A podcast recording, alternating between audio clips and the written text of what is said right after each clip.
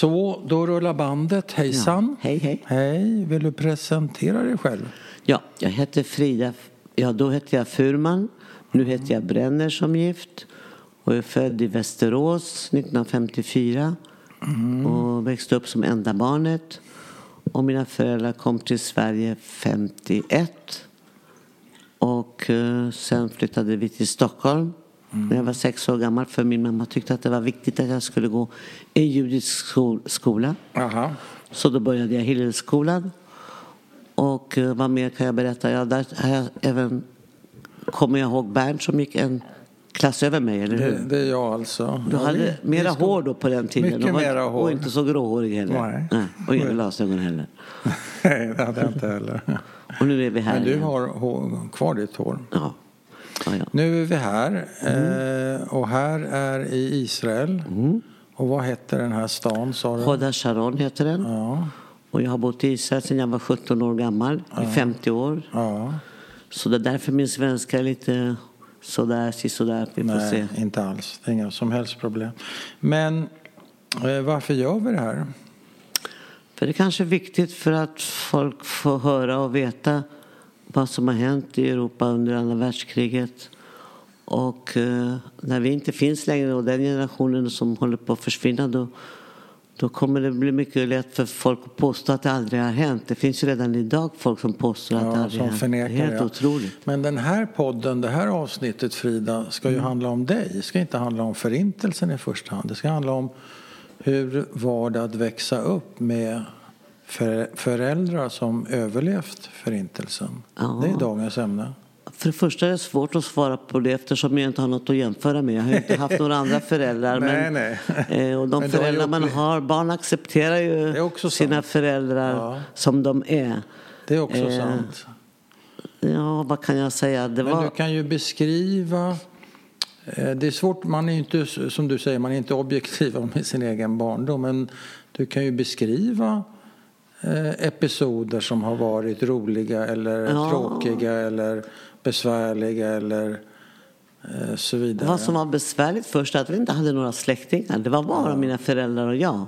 Vad hette mamma och pappa? Rakel hette hon och min pappa hette Ruben. Och Furman då? Furman, precis. Och varför kommer de 51 först För de kom till Italien efter kriget. och satte läger Min där? mamma hon befriades i Bergen-Belsen för- 45 i april då Ja. och kom med tuberkulos till Italien, för Ja. norra Italien i Merano. Ja. För där ansågs det vara bra för sådana som hade problem med lungorna. Så var, de var i ett så kallat sanatorium, min mamma. Min pappa har inte varit i något koncentrationsläger, han var heter det, partisan. Jaha. Och de hjälpte judar över gränsen fram och tillbaka från Italien till Italien alltså.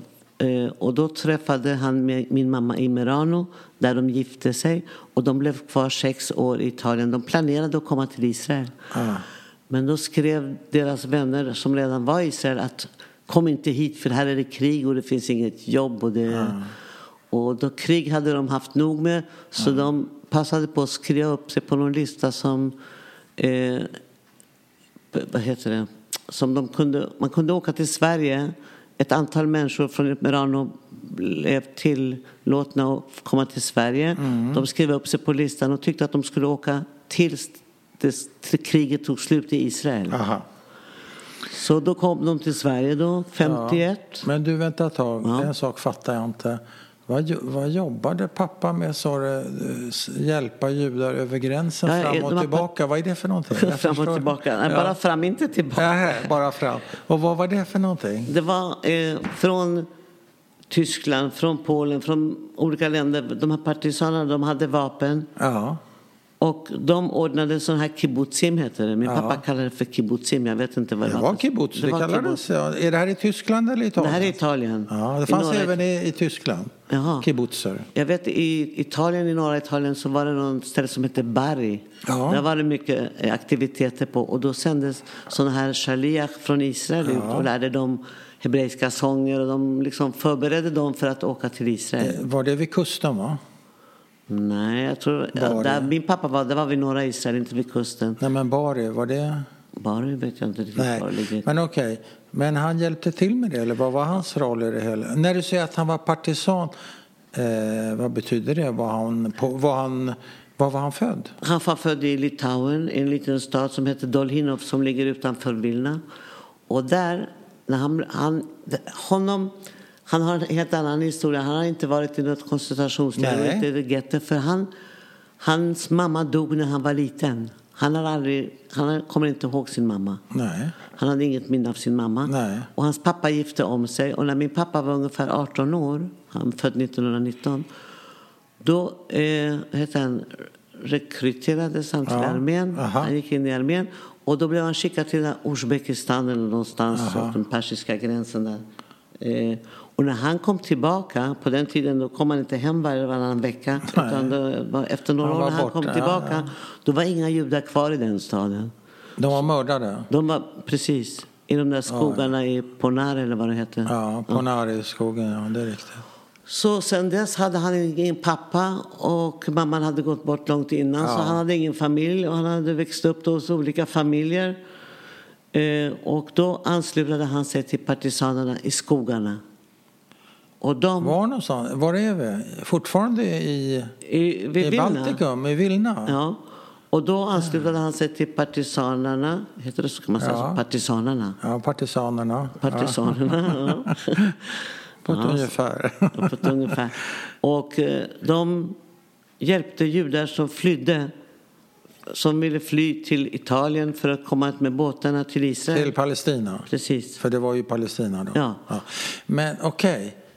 Exakt han- var och hur vet jag inte. Nej, har men han, han jobbade med den operationen helt Ja. enkelt. Eh, som gick ut på att få ut så många judar som hade överlevt. Precis. För att kunna sätta dem på båtar som skulle gå till Palestina. Precis, Okej. sådana som hade gömt sig i skogarna. Sådana Ja. som, mm. Och hur, varför hamnade han i Italien där han ju då träffade din mamma? Vet du Där var han liksom stationerad har jag för mig. Där, där fick de vapen och där organiserade de de här kibbutzerna. Ja. Så, så där, eh, de hjälpte för och de också, eh, heter det på svenska, kommer till båtarna med vapen och det är även den här Altalena.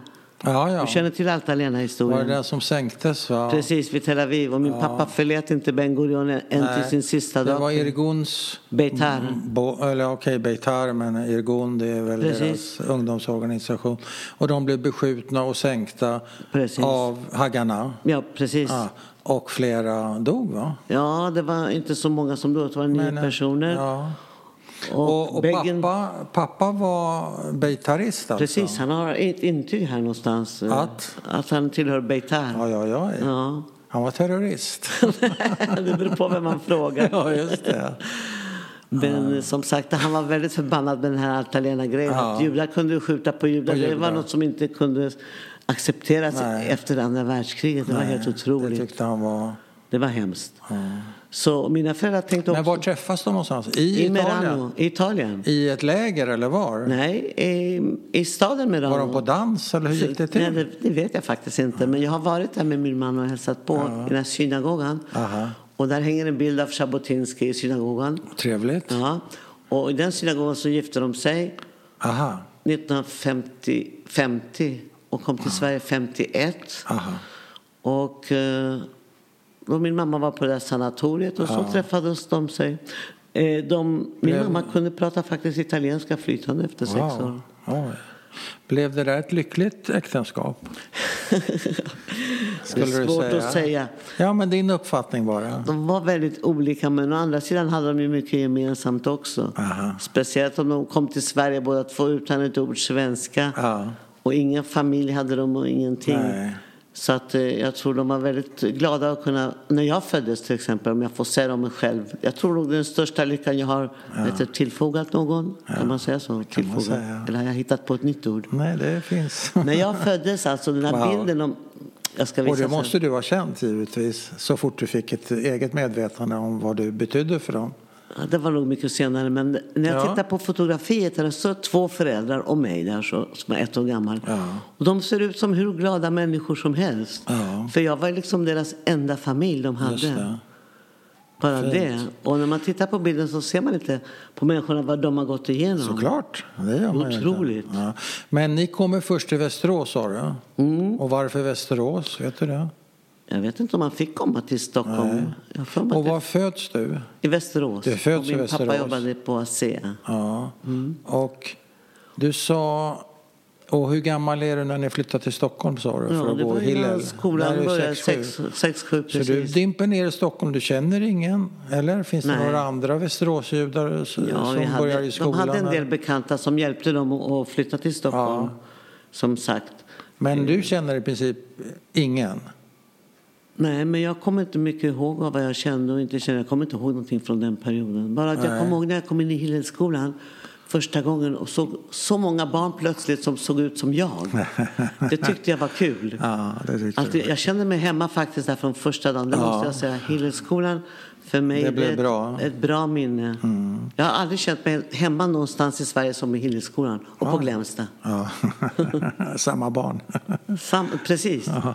Men, Precis. men du sa också tidigare, vilket jag tyckte var intressant, att ni var helt ensamma, vilket ju inte är så ovanligt när man har upplevt det som mamma och pappa upplevde. Men när släkten mördas och familjen mördas och man kommer ensam Mm. till landet. Har du någon minne av hur du upplevde det? För du kunde väl upp, jämföra det med hur det var för andra barn Ja, där på gården i Västerås som hade mormor och farmor. och- Västerås kommer jag inte ihåg mycket. Vi umgicks Nej. mest i- med judiska familjer i Okej, Västerås. så ni var inne i den. Pratar mamma och pappa jiddisch? Ja, eller? hela Ja, tiden. Båda? Jiddisch var det första språket jag pratade. Det var ditt. När lärde du svenska då? Mm, Ja, när jag började i dagis i, i Västerås tror jag. Så när du kommer dit så, så är jiddisch ditt, ditt Precis. enda precis. språk? Ja, och sånger. Det var mycket sånger hemma hos oss. Det Och måste säga. sånger. Ja, också på jiddisch? Ja, Allt på jiddisch. Jag som kan väldigt som många var? sånger. Sjung en. Du, min röst är inte för att sjunga Nej, jo då. Nej. Ja. Finns, du kan sjunga något. Wo nimmt man ein bissele Masel, wo nimmt man ein bissele Glück, das Rädele soll sich schon drehen und bringen mein Masel zurück. Die Welt ist für jeden beschaffen, für alle Menschen gleich.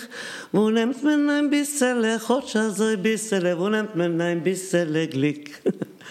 Jag kan inte sjunga längre. Jo då.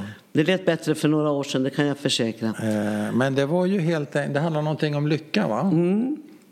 Vad handlar den där texten. Ja, att om? eh, hjulet måste gå runt och lyckan är något som kommer och går. Och, och världen är ju skaffad för alla människor. Eh, ja. Men från Västerås kommer jag inte ihåg så mycket. Men. Hillelskolan, det var Hillelskolan Var bosatte ni, var, var bodde ni i Stockholm? på Hammarbyhöjden, eh, på Lidköpingsvägen 46. Ja.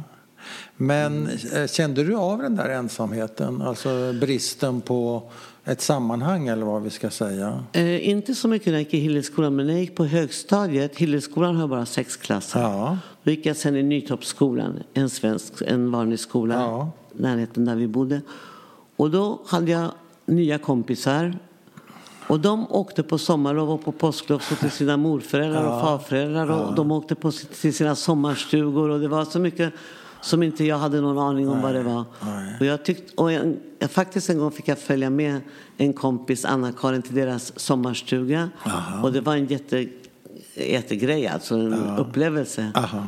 Och det skulle man ju förstås vilja ha också hemma, men det var inte på tal om det. Mina föräldrar körde ju inte bil. Nej. Och de, sommarstugan var det ingen som pratade om. Vi hade två rum och kök, två rum och matrum och jag växte upp i det där matrummet. Du sov i matrummet? Precis. Och I en, en utdragssoffa eller vad för något? Ja, något liknande. Och, och det var, men det var alltid folk hemma hos oss. Och det, var, det var alltid roligt på något sätt. Jag kan inte säga att jag har växt upp i något deprimerande hem. Utan Nej. det fanns en viss livsglädje. Mina föräldrar tyckte om att sjunga och jag spelade piano. Och gäster var och, och folk kom och gick hela tiden.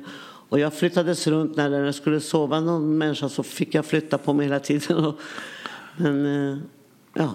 Vadå, om du skulle sova en människa? Äh, alltså om det, om det kom gäster till oss Ja. som skulle sova, Sova över, över, ja. så flyttades jag omkring där. Så vad skulle du, vadå, varför fick jag du fick inte... sova i stora rummet och de fick sova i barn. Okej. Det var väldigt trångt. Ja. Så att, men på något sätt lyckades de...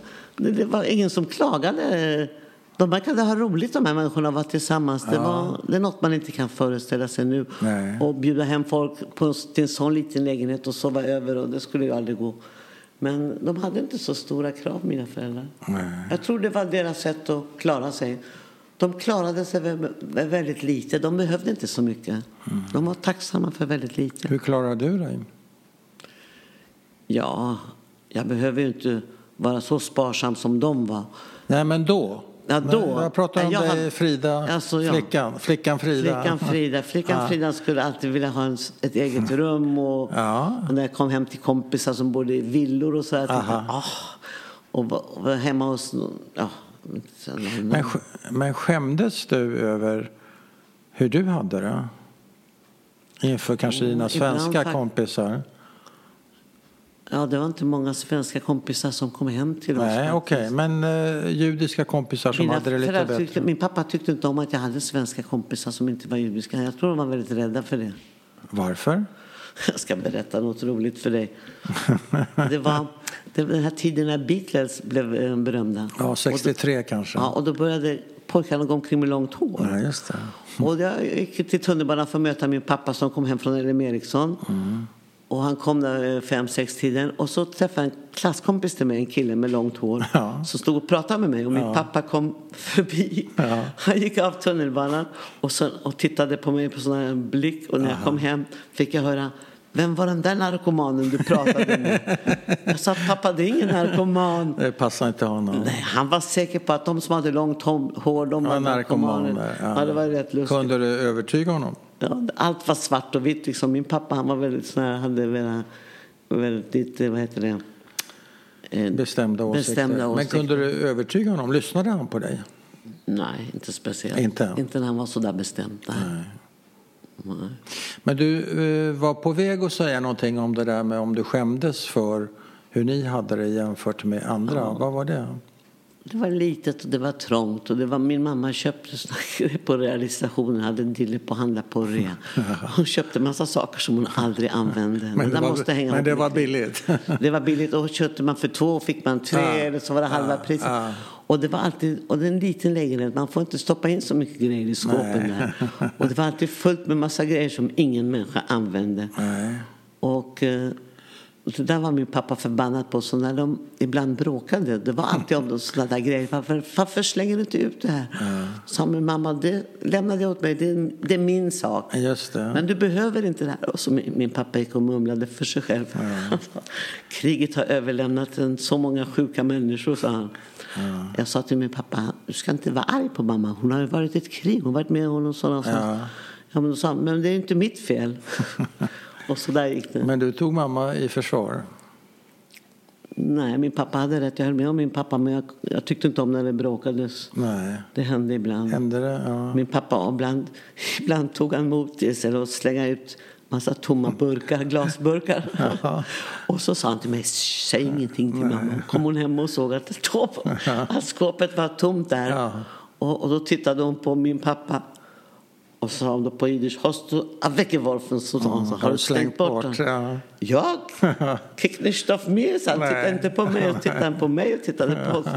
Ah, det såna löjliga scener förstås. Men... Ja. Så fick man inte lämna maten heller. Då sa min mamma, man ser att du har inte varit med om något krig. Oj. Ja, man ser Körde hon den? Ja. Då fortsätter vi. Jag ska be dig att ta om den här historien om Sonja en Är det- gång till. är det kan du sant? Göra? Mm, kan du göra det? Jaha. Okej. Eh, mina föräldrar hade en väninna som hette Sonja. Hon var en äldre dam. Hon var äldre än mina föräldrar. Kanske 10-15 år äldre. Och de var del av ett gäng som spelade kort på fredagskvällarna.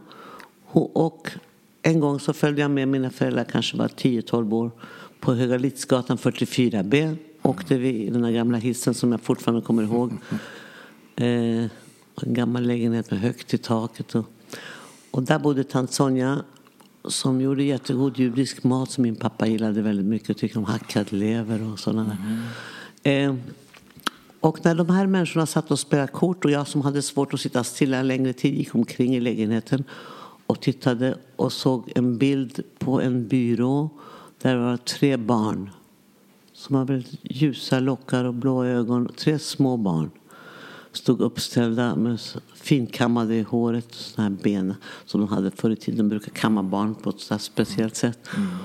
Och då tog jag den här bilden i handen och gick till vardagsrummet och frågade tant Sonja, vem är de här? Då sa hon, det är mina barn. Då frågade jag henne, och var är de någonstans? Då svarade hon mig på jiddisch, Hitler hat sig genommen. Jag förstod ingenting. Jag visste inte. Hitler har tagit dem? Ja, Hitler har tagit dem på jiddisch då. Hon lyfte inte ens på huvudet när hon sa det. Jag kommer ihåg hon tittade in i korten. Jag förstod inte. Vem är Hitler? Varför har han tagit hans Sonjas barn? Vad har han gjort med dem? Varför går hon inte och hämtar dem tillbaka? Ja. Och det här blev, de blev kvar i mitt huvud, alla de här frågorna, alla åren.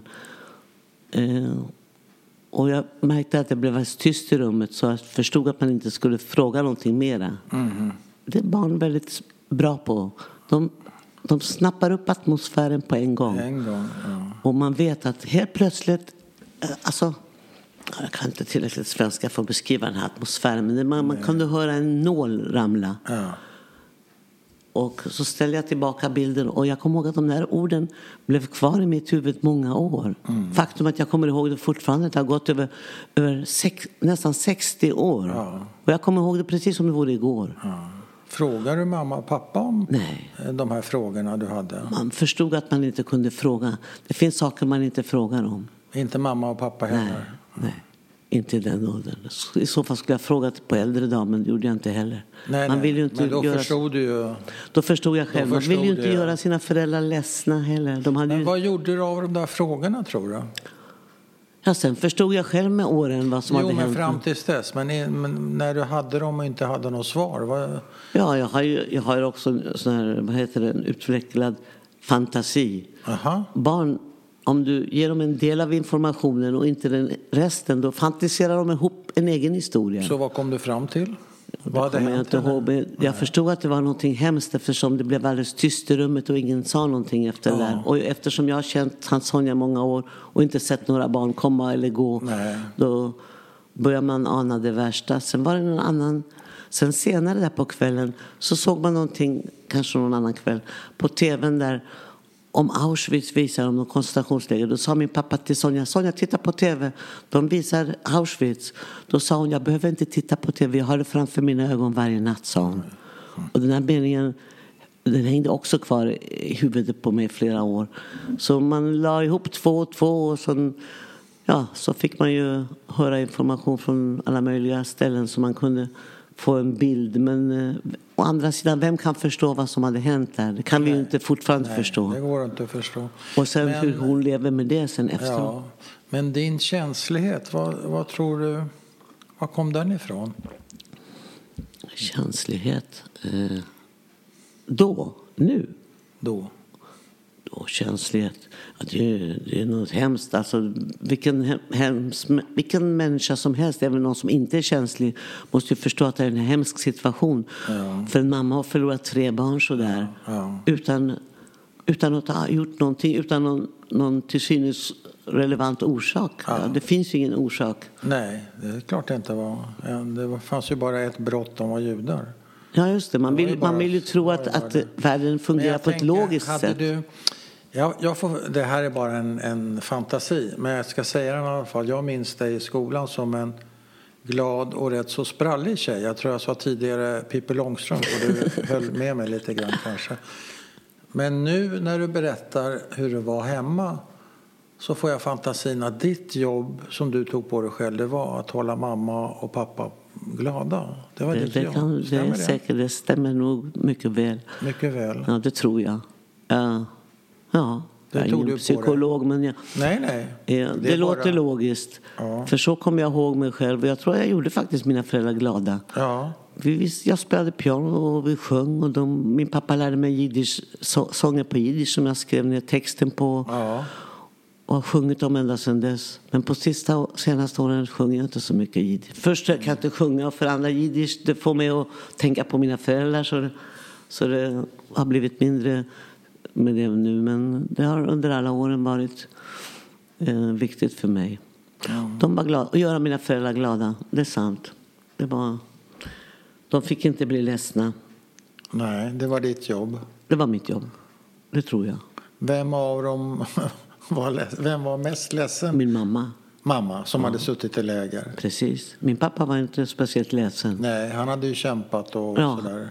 Det skillnad. Man kunde Och hur märktes det? Hade hon, såg hon också Hitler framför ögonen på natten? Nej, eller inte vad jag vet. Jag har Nej. aldrig hört någon, något skrik på nätterna. eller Nej, sånt inga som jag... mardrömmar och... Nej, men jag vet inte. Jag har inte hört någonting utav det. Hade hon några fixa idéer, eh, renlighet eller vad man fick göra Nej. inte göra? Man fick inte slösa, det skulle sparas och det skulle uppskattas. Allt skulle, allt, jag fick alltid höra hur jag slösar med pengar, att jag uppskattar inte, att jag sparar inte. Och så. Men det är inte sant, men i deras ögon så var det så. Hon tyckte det. Jaha. Och när kom det? När, vilket sammanhang sa hon det? Vad hade du gjort då? För att få höra att du var slösaktig? Det räckte att man köpte ett par byxor någonstans. Och min Ja, pappa ja. sa, du har ju ett par byxor redan. Så köp. alltså att man skulle ha en annan färg, det tyckte min pappa var så löjligt. Han brukar alltid berätta om att han hade två par skor. Ja. Ett till helgen och ett par till vardags. Ja, så skulle du också ha det. Ja, och han berättade att där han bodde i den lilla staden det var allt så idylliskt och fint och bra. Men nu har jag sett en bild som jag har hittat någonstans hos några släktingar i Israel. När min pappa var liten och då såg man där ungefär 50 barn på en bild. Och han sitter där, eh, vad heter det, barfota. Han har inga skor. Nej, fattiga. Ja. Och sen när jag sa pappa vad är det här? Då sa han det där är inte jag. Han liksom erkände inte att han, han, Han bara nekade. han bara nekade. Men det var han på bilden. Det var som med burkarna och mamma. Han bara nekade. Det var hans grej. Det är kanske det. Han tyckte, när man hörde honom berätta, då var allting så bra liksom förr i tiden. Men Och mamma hade sagt till dig någon gång när ni åt eller vad det var att man skulle äta upp eller Ja, man fick inte lämna kvar mat. Så var det Och hon åt alltid upp maten efter mig. Om jag har lämnat maten, då åt hon upp den. Fick inte kastas. resterna. Ja. Och kasta maten var det värsta utav... Ja, Ja. Det har jag hört flera gånger människor berätta. ja, det är inte så ovanligt. Och sen när jag blev äldre, jag var sjöng en kör här i Israel. Vi åkte till Mm. Tyskland för att uppträda. Och jag visste inte hur jag skulle berätta för min mamma hur, att jag åker till Tyskland och ska sjunga dessutom. Då bodde kören. mamma och pappa här i Israel alltså? Precis, de kom hit efter Du skulle åka till Tyskland. Hur löste och du det pappa då? titt, Min mamma tittade på mig till Tyskland och sjunga, sa hon. Ja, och vi ska bo hos familjer, sa hon. Vi ska Ja. utplaceras där. Ja. Ja, så åkte jag, så kom jag tillbaka. Det första hon frågade, "Du, hur gammal var den här tanten vi bodde hos? Hon skulle räkna ut skulle och räkna snabbt ut vad hon vad hon, gjorde under vad hon kriget. gjorde under kriget. Precis. Mm. Men alltid när det, var, när det talades på tyska eller det var någonting om Tyskland eller så, då fick, fick hon ett speciellt ansiktsuttryck som var helt annat. Ja, ja. Och sen var det en bok som jag hittade en gång hos mina föräldrar som jag har kvar faktiskt i källaren någonstans. En, Du sparar på det mesta? jag har svårt att kasta, jag har svårt att spara. Jag, tittar inte i dem, jag kan inte kasta det. Vet. Nej, men du har kvar. Ja. Den här boken, den heter eh, Vi kommer inte att glömma eller Vi kommer ihåg eller något sånt där. På tyska och det är bilder. Och det är några hemska bilder. Och jag vet inte hur gammal jag var men jag kommer ihåg att jag tog en stol för att ställa mig upp och, så jag skulle nå upp till den. Så jag måste ha varit rätt liten. Ja. Kanske 12 års ålder något sånt där. 13. Jag vet inte. Men, och de här bilderna, det var några hemska bilder. Där de hade gjort experiment på barn hos fy fan. Mengele. Och så var det högar av människor, Ja, nakna ja. lik så. Ja. Och jag tittade på bilderna och jag trodde inte det var sant. Jag tänkte, det kan inte vara fotografi. Vem skulle fotografera en sån sak? Även om det, var, det måste vara målat. Och jag kommer ihåg hur jag ville att det skulle vara målat och inte att det skulle vara ett fotografi. Men så jag förstod innerst inne att det var, det var riktiga bilder. Det var riktiga bilder. Det var hemskt. Det var chockerande. En sak är att höra det och sen att se det i bild också. Ja. Men det, den, vems bok var det? Var det pappas eller mammas? Mm, Eller? ja, det var väl mammas bok. Hon läste ju tyska. Hon var väldigt duktig på språk, min mamma. Ja. Eh. Men frågade du henne om den där boken, varför, varför de hade den? Och... När jag la tillbaka den. Jag förstod varför de hade gömt den i skåpet för att jag inte skulle se den. Men jag, Och visste du att du skulle leta efter den? Jag var där som tittade i alla skåp och fickor och överallt. Allt jag kunde hitta. Som du sa, en Pippi Långstrump. Ja, det stämmer nog. Ja. Ja, jag var nog lite... Jag kommer du ihåg Mona i Hillelskolan? Det var min klasskamrat. Det är inte den Mona. Mona som var rektorns sekreterare där. Tant Ja. Mona. Hon kallade mig för... För Gorevich, ja. Jag var rädd för henne. Hon kallade mig för Fiffiga Frida. Jaha, du ser. Det, det stämde nog. Vad, hade du gjort något bus då eller? Jag kommer inte ihåg. Det hade jag säkert gjort. Jag kommer inte ihåg. Du bara nekar som pappa. Jag vet inte. Det måste ha varit någonting. Jag var lite så här bild av mig. Ja. Enda barnet. Hade du lätt för att få kompisar eller kände du dig ensam? Jag tror jag hade lätt för att få kompisar. I Hillelskolan? Ja, till exempel. Ja, i Hillelskolan var alla kompisar. Ja. Det var, vi, hade, vi var små klasser också. Vi var bara 18 stycken Ja, i var klass. så, ja. Det är ett privilegium, det ser det man ju idag. Och sen då när det kom till den så Till kallade Nytorpsskolan var det värre. Där liksom, jag var den enda judiska eleven i hela skolan tror Ja.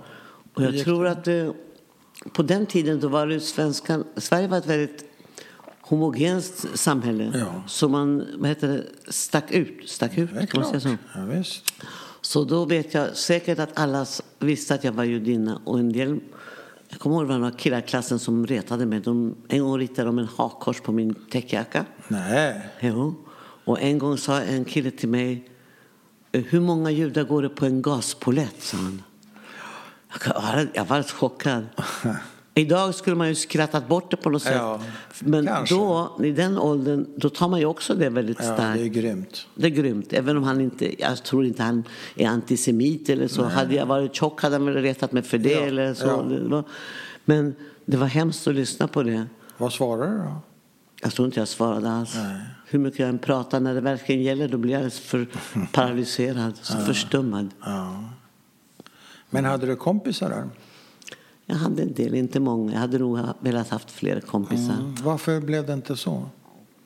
Ja, vi var annorlunda på något sätt. Ja, man var annorlunda. Jag tror jag kände mig annorlunda också. Och jag gjorde väl det bästa av situationen. Men eh, jag berättade inte för mina föräldrar. Eh, Ja, det var vad som var.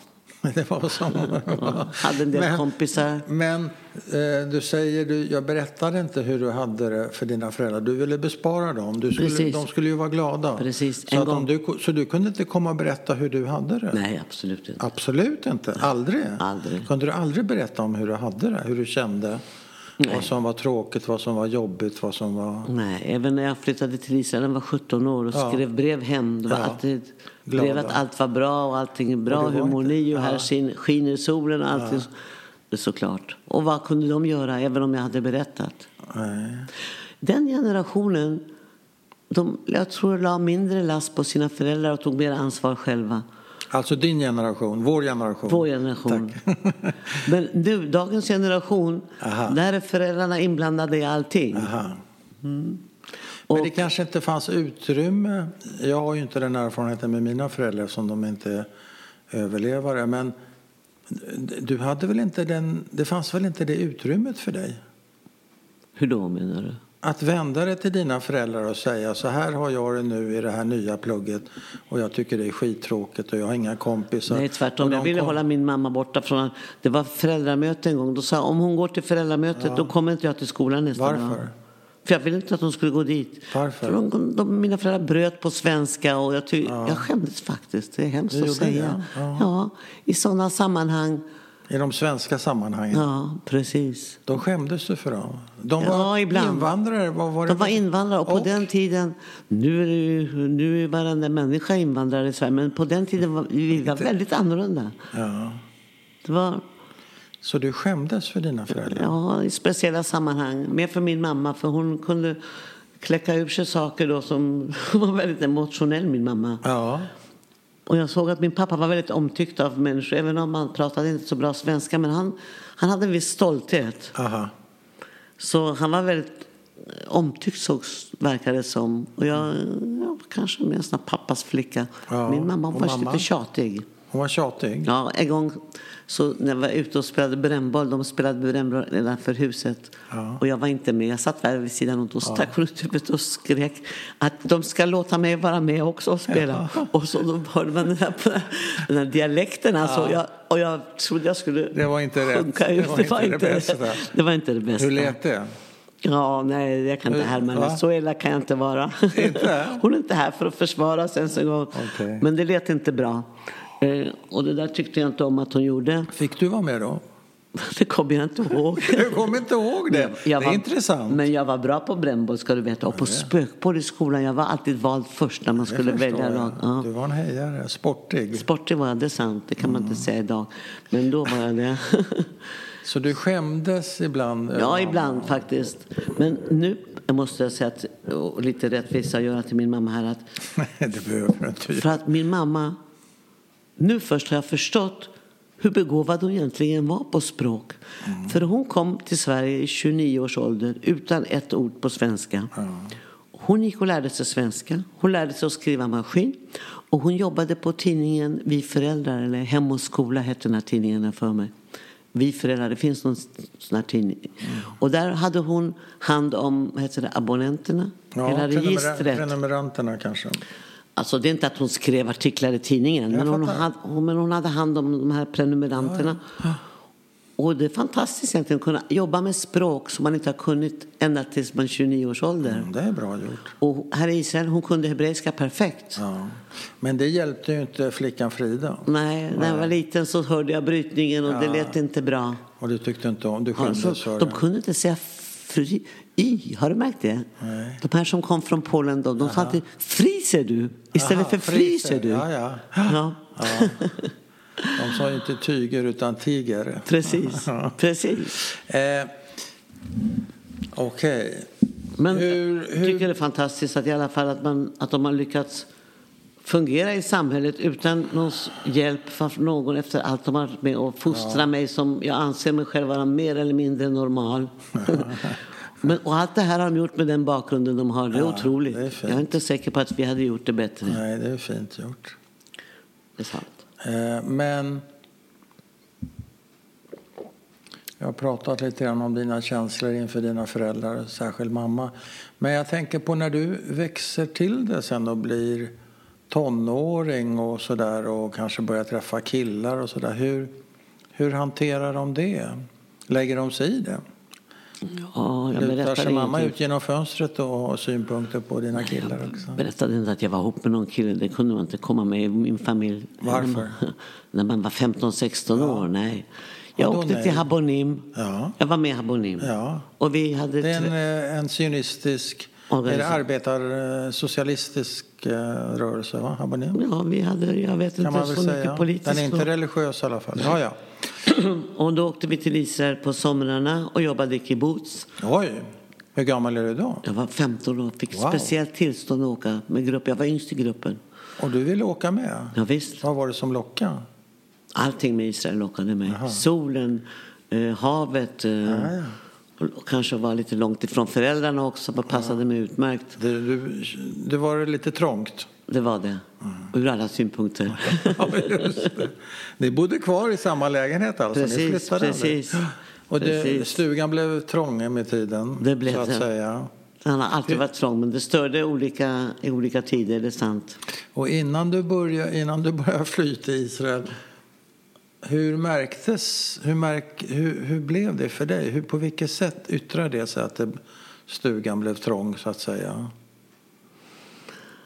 Ja, man vill ju bli självständig i en viss ålder och jag var väldigt självständig, det är sant. Nej, men hemmet har man ju accepterat, det, det är vad som det är. Två rum och kök och matrum, så är det bara. Men eh, de, de var väldigt noga med vem jag umgicks med Aha. och var jag gick och när jag kom hem. Och jag säger alltid att jag har jag har eh, utvecklat en expertis på att hoppa. Vet du varför? Nej. För när jag kom hem sent på kvällen ibland Jaha. och jag var rädd att mina föräldrar skulle vakna, speciellt min pappa som jag, jag var lite rädd för i sådana här, sammanhang, så har jag lärt mig att parkettgolv, ju långsammare man går på parkettgolv, ju mera Knarrare. knarrare, precis. Så jag hoppade från ena tröskeln till den andra för att komma in i mitt rum så fort som möjligt. och det var inte lätt ska jag säga. Nej. Men det lyckades för det mesta. Jag var rätt duktig på att hoppa. du- när, när skulle du vara hemma och när kom du hem? Ja, det kom inte för sent. Min mamma brukar glöm inte adressen. Eh, Jag skulle vara hem klockan 10, 11. Ibland kom jag hem efter 12. Ja. Och jag sprang från tunnelbanan, där kommer jag ihåg. Ja. Eh, Jag var lite rädd för min pappa, det är sant. ja. Och eh, var, var han vaken någon gång när du kom hem sent? Eh, Vaken, eller så vaknade han Eller då när jag kom in. Ja, det hände säkert. Det hände och vad hände då? Kom han upp då och pratade med dig? Han var förbannad. Och bra. Nu är det tid att komma hem. Nu, var har du varit? Vi var oro- Jag vet inte precis ordagrant, men jag försvann i mitt rum så fort som möjligt. Ja. Eh, ja, det var inte trevligt. Men eh, han slog dig inte? Det hände också ibland faktiskt. hände? Ja. Hur då? Eh, vad hade jag då gjort? Kommer jag inte ihåg. Nej, men hur slog han dig? Ja, med handen på baken, eller inte, inte i ansiktet. Nej, inga han daskade till det på Daskade till mig. rumpan. Ja, det Gjorde det ont?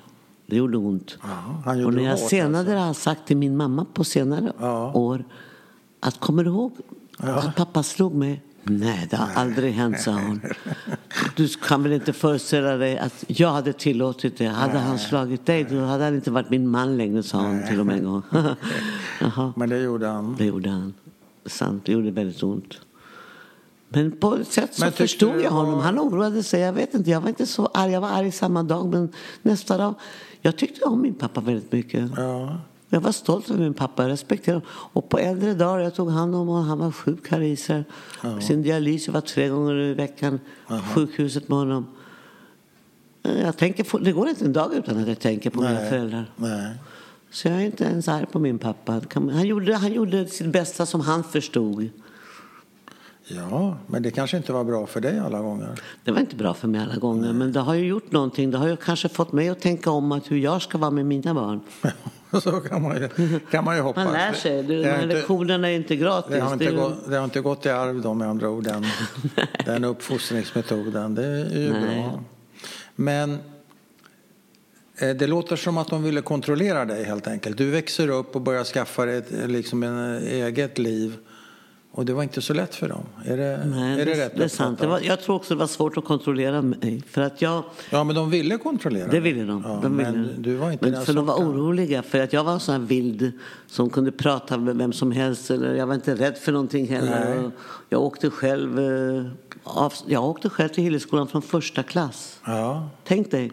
Jag stod där med en, sån här, på med en kedja på halsen med en sån här... eh, nyckel eller? Nej, det där kortet. Adresskort eller? Nej, inte adresskort, det här kortet som man har på Ja, ja. tunnelbanekortet. SL-kortet, ja. Ja, ja. Och där stod jag vid tunnelbanan och åkte till, eh, på den tiden på Sluss, till Slussen och sen med spårvagn till Nybrogatan. Sen gick det ju med tunnelbana, men då fanns det ingen tunnelbana. Det var tufft. Ja. Och vet du vad?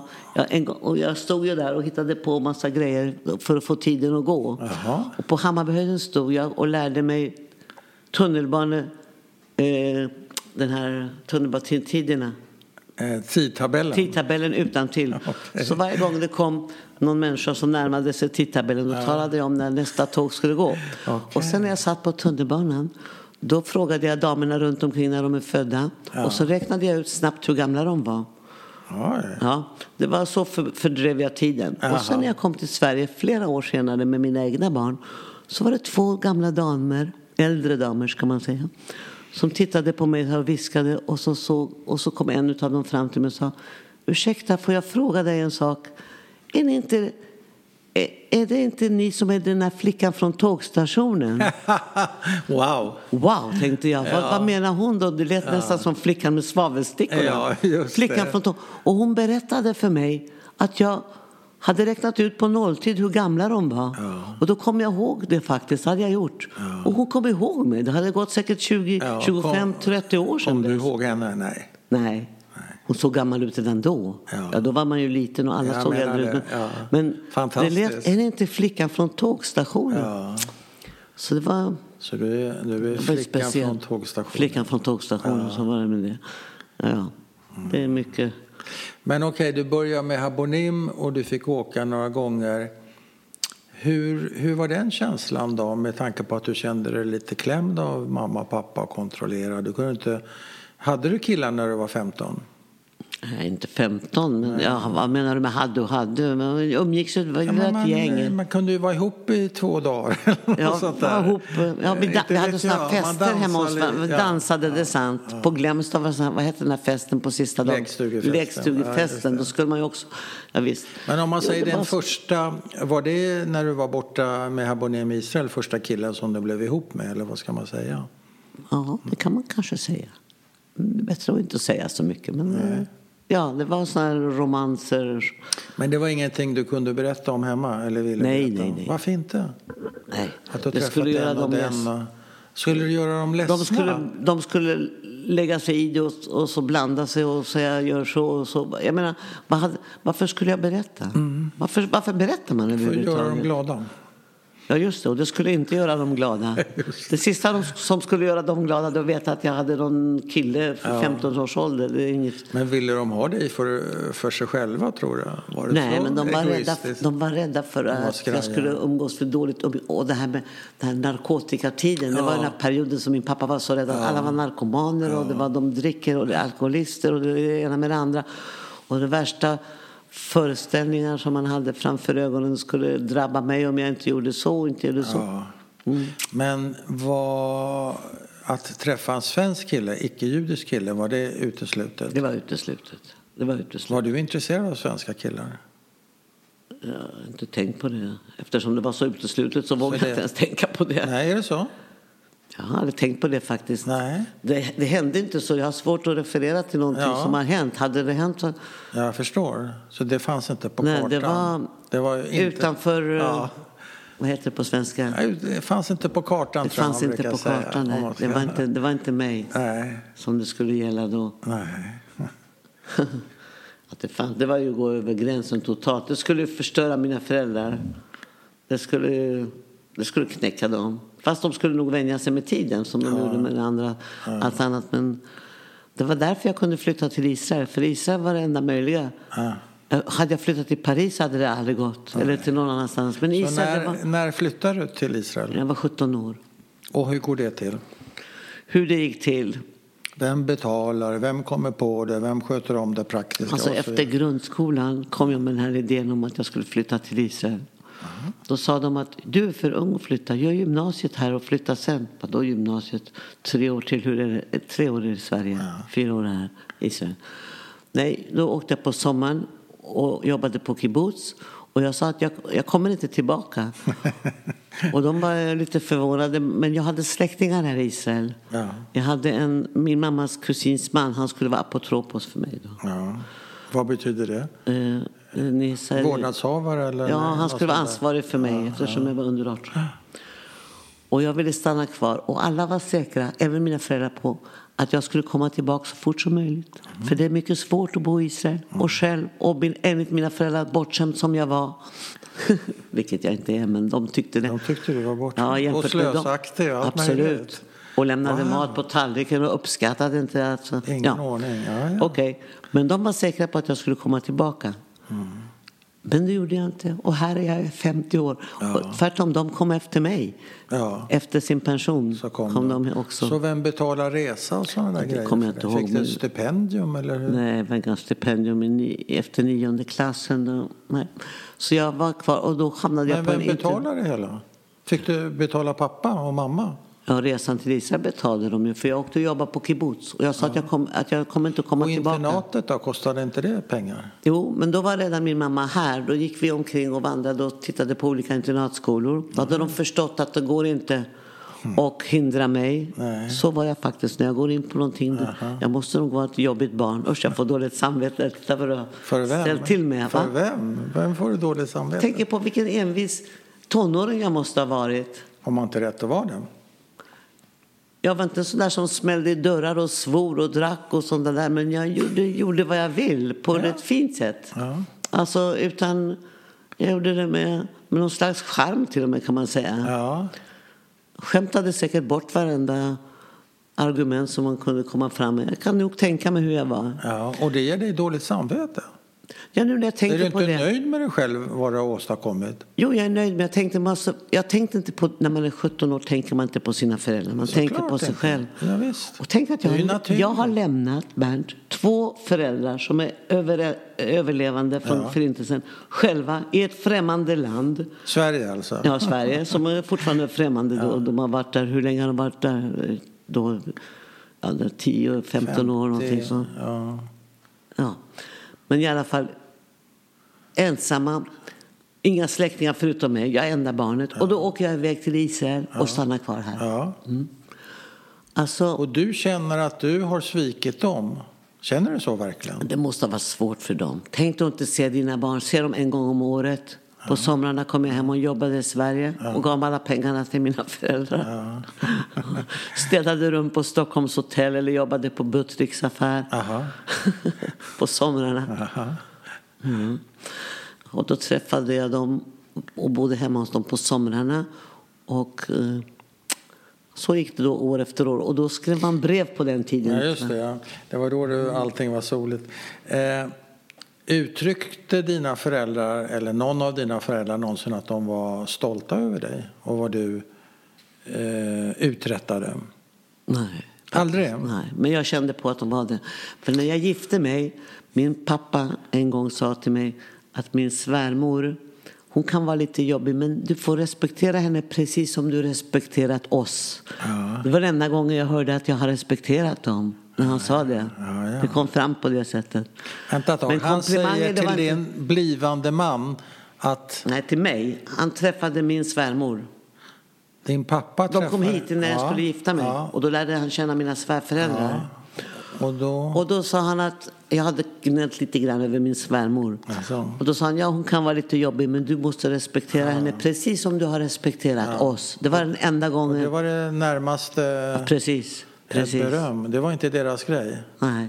Ingen av dem kunde säga Ja, min mamma kanske hade sagt men det var min pappa som gällde mer. Det var viktigare för mig att höra från min pappa. Men ja, och det kom aldrig från det kom honom. aldrig. Men jag, jag märkte det när det kom gäster. Då sa han, spela något för gästerna. Mm. Och, och när någon sa hon spelar och sjunger vackert. Och han svarade inte på den. Sa ja, hon har mycket energi, sa han. Vilket svar! Ja. Hur kan man Snålt. säga? Va? Ja, det, Snålt. Ja, det var, dåligt det där. Men han hade svårt att ta till sig det där kanske. ja, han, han ja, inte verka... överhuvudtaget om känslor pratades det Nej, inte och han alls. kanske inte ville verka som han skröt om, eh, om Ja, dig. absolut. Om det kom någon jag skulle alltid tacka nej till presenter. Du ska inte ta emot presenter. Nej. Men kände du dig älskad av dina föräldrar? Ja, det måste jag säga. Det, de har aldrig sagt det, men jag vet att Nej, men man, jag var ju ja, känslan alltså. Känslan var att jag, att, att jag var ju det viktigaste för dem i, i hela livet. De kom ju till och med till Israel efter pensionen. Tänk att flytta till ytterligare ett, ytterligare ett nytt land. Ja, Bara det. aha. Visst. De, bara, ja, de gjorde så gott de kunde. Men det gör vi alla. Men det här handlar inte om hur, hur gott eller dåligt våra föräldrar har gjort utan hur det har blivit för flickan Frida. Det är det som är ämne, dagens ämne. Flickan Frida har Även någon slags du- överlevnadsförmåga. Även om jag inte har gått igenom förintelsen så fick jag en gång en komplimang av min svärmor. Jaha. Som inte heller var för generös med komplimanger.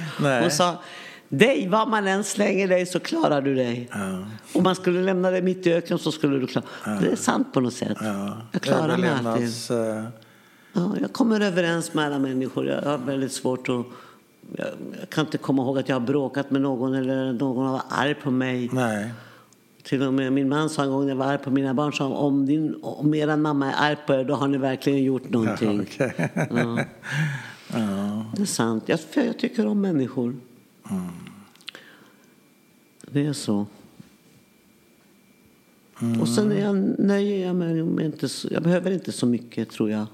Du var ju slösaktig och bortskämd och lämnade mat på tallriken. Lämnade mat på oj vad Ja, hemskt. det- Även idag vet du, vet att jag inte heller kan kasta mat? Är det så? Ja, det har gått över i, i andra generationer också. Ja, traumat. Ja. Mattraumat. Och Den här Holocaust den här Holocausten sitter med hela tiden. Som Hur ett då? moln Ja, på mitt huvud. Hur? Det finns överallt. Det, det går inte att bli av med. Har man växt upp och hört om Holocaust, man, det räcker att man inte hört om det ens en gång. Det finns ju många som inte har hört men Ja, vet att det fanns att där. det- att någonting. Och att deras föräldrar har varit med om något hemskt. Det hänger ju med hela livet, överallt. Det, blir, det kan man inte bli av med. Det, är en del, det har blivit som en arm, som ett ben, som en, en del utav en. Wow. När man hör tyska, jag hör, om man pratar om Tyskland, då hoppar huvudet direkt dit. Tankarna hoppar huvudet. Ja. Jag säger att jag kan inte prata svenska längre. Jag tycker det går bra. Nej, ja, det hade varit bättre på hebreiska. Ja, men det hade inte gått så bra för mig. Nej, nej. Okej, som ett moln över huvudet. Mm. Det är. Men det är inte som samma sak. Ja, som en skugga. Men det är inte samma sak som en depression, eller hur? Nej, det är inte en depression. Men jag En skugga alltså. Det är en skugga i ditt liv som följer det, dig. det följer hela tiden. Det är sant. Jag tänker på mina föräldrar. Tänker, då, när jag tänker på mina föräldrar tänker jag först vad de har varit med om. Ja, Egentligen var det här fem, sex år av deras liv. Och de Just levde till de blev 80 år. Ja. Varför just de här fem, sex åren kommer upp först? Aha. De, det var, de hade en impact över hela livet. ja, det är klart. Det var väl en av, ett avgörande ögonblick i deras liv, de, Verkligen. de här åren. För Verkligen. det handlade om liv och död. Ja. För det mesta så handlar det inte om liv och död. Va? Och bara den här hemska... Tänk att bli av med sina föräldrar, bli av med sina bröder. Hon hade tre bröder. Allt liksom... På en dag försvinner allting och man står där. Otroligt. Det är svårt att, att ta in. Ja. Och tänk på barn. Jag såg den här Son- Sonjas barn. Den här bilden alltså, den har jag fortfarande framför ögonen. Jag kommer precis ihåg hur, den, hur det fotografiet ser ut. Den följer dig. Ja. Jag följer ett starkt ord, men den finns där någonstans. Den finns. Du kommer Den- ihåg dem? Ja, precis. Jag har glömt massa andra saker. Det kommer jag ihåg. Ja, och nu man- när man själv har barn och barnbarn, det, det blir ännu svårare Ja, att, att är tänka klart. på. Ja, det förstår jag. Hemskt. Mm.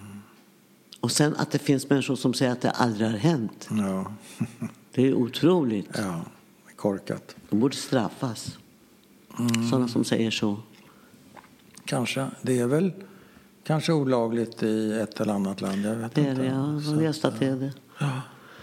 Holocaust. Om det löser något, det vet jag inte. Men... Jag är inte arg på mina föräldrar. Tvärtom. Jag är tacksam för att de har gjort vad de kunde trots att de har varit med vad de har med. Och de, jag vet att de hade mitt bästa eh, framför sig. men det har ju alla föräldrar, herregud. Ja, sen, Även- man även- lyckas mer eller lyckas Även mindre. fadern som misshandlar sitt barn eller sin son har ju bästa, anser han. Ja. Då kan man, Det, är inte riktigt, det räcker ju inte riktigt för att säga om det var okej eller inte. Nej. Men du kan inte kräva mer av en människa. Och ge mer Nej, en kan man inte ge. göra. Nej, Så det, var det är riktigt. Så vi kan ha krav och kritik men eh, jag tror inte att... Men man kan känna en saknad. Det är inte Saknad. kritik, det är någonting annat. Men saknad kan man ju känna. Ja, saknat kan man känna, det sant. Men så lär man, som barn lär man sig att leva med mycket saker man inte hade klarat av idag, tror jag. Barn accepterar att det är som det är. Mm. Det är vad som finns. Jag menar, de... Man, har, man vet inget annat. Nej, precis. Precis. Sant. Vill du lägga till någonting? Och i vad så kan fall jag lägga vad? till? Jag vet inte. Mera klokskap? Klokskap. Ja, vad kan jag säga? Jag vet inte. Tänker på mina föräldrar. Mm. Faktiskt ofta. Det, det, det underliga är att ju äldre jag blir, desto mer tänker jag på dem. Man trodde att det skulle vara tvärtom. Mm, det håller jag med om. När jag var liten var jag inte alls bunden till mina föräldrar. Jag var mycket självständig och tyckte de var mest i vägen. Ja. Men nu på äldre dagar så saknar jag dem ännu mera. Men saknad är ju inte att du var bunden. Det är ju en saknad. Precis, det Det är är rätt så naturligt. Ja, Därför vi blir äldre och snart eh, så är vi där. just det. Snart är vi där. Usch. Man kanske tänker på sig själv i själva verket när, eh, på sätt och vis när man tänker på sina föräldrar. Tror du inte det? Sitt eget Mm. åldrande så att säga. Man kan identifiera sig med det på ett annat sätt. Nej, mitt eget så. åldrande det, det, är ett annat tragiskt kapitel. Ja, ja, inte, okej. Nej, det är inte det. Så är det inte för dig? Nej. Man saknar dem för att eh, man, tänk, man förstår egentligen att föräldrar är egentligen de viktigaste personerna man har i livet, tror jag. Och sen Mm. Om är det så mycket tur. jag skulle Om man har tur. Om man har tur. Det är sant. Och sen är det så mycket jag skulle vilja fråga dem om som jag inte hann med. Jag försökte titta igenom papperna här. Ja. Och nu har jag kommit underfund med att de kom till Sverige 51, de gifte sig 50 Ja. och de fick medborgarskap i Sverige först 59. Ja, det tog står, tid. Här, det Ja. står här på papper att ni har blivit svenska medborgare, det- kungliga, hovliga. något Ja, det tog tid alltså att bli med, eh, Precis. medborgare. Kom till Västerås. Ja. Men, eh, ja just det. Ja. Det var något jag hade i huvudet men det flög bort. Ehm, Och min mamma hon fortsatte ända in i det sista och leta efter släktingar. Ja, så fort det. hon träffade någon som var från Polen och från varifrån och så, så gick det. Hon hade ju tre bröder. Mm. Som två dog i Chelmno och en överlevde och kom till Israel. Så vi åkte då med första charterflyget Ja. 1956 Aha. till Israel för att em, träffa hennes bror. Ja. Och vi blev fotograferade i tidningen, där är bilden, i Expressen eller Aftonbladet, vi vet inte. Eh, då stod det ett charters till Israel, den yngsta passageraren. Så ser man mig där med flygvärdinnan och går ner för planet till... Och träffade hon sin bror. Ja. Hur var det mötet? Åh, jag var bara två år gammal men det var säkert eh, mycket emotionellt kan jag tänka mig. Hon visste inte att hon hade någon bror som levde. Hur hittade, hur hittade hon honom? Eh, han hittade henne. Hon var kvar på Bergen-Belsen efter kriget tog slut. Det förvandlas ju till ett sjukhus där. Rö- Röda Korset eller Joint eller vad det var. Bund, vad heter de där organisationerna. Hon var för sjuk för att åka till Israel. De åkte en hel grupp därifrån. Gordonia hette de. Så hon hamnade i Italien. Men då kom det ett brev från Palestina. Och då var det från honom. Han hade väl sökt upp hennes namn Ja, någonstans. Det är sådana här grejer som jag inte vet. För jag var Nej. dum nog att inte fråga dem när de levde. Men vet du vad jag tänker? Mina föräldrar är också döda. Att man kan ju fortfarande ha ett samtal med sina döda föräldrar. Jag vet inte hur det är för dig, men så är det för mig. När man resonerar lite hit och dit. Varför gjorde pappa så där? Det vill säga man tänker ju bara själv. Men det är som ett samtal. Ja, men du får inga svar. Jo, jag, jag kommer med svaren. Ja, så du kommer själv jag vet ju inte om de är riktiga. Nej, ja, ja, ja, då kan jag gissa. Så det är pågående samtal man har med sina döda föräldrar. Ja. Så det är Ja, inte ja. för sent, tänker jag. Nej, på så sätt att om det gäller att prata av sig då är det okej. Men om man vill ha svar då, då finns det inte någon att fråga. Och det finns ingen, ingen heller utav deras generation som vet något. Nej, Som, men man kan ju fundera lite själv kanske. ja. Möjligen, jag vet inte. Du, eh, ska vi runda av? Ja, Ja, då tackar jag så mycket. tack själv. Tack. Hoppas jag inte har... Hoppas jag har gjort mig förstått med min svenska. Perfekt. Ja, Förstådd skulle det vara. Ja, förstås. Förstås, förstådd. Tack ska du ha. Tack själv.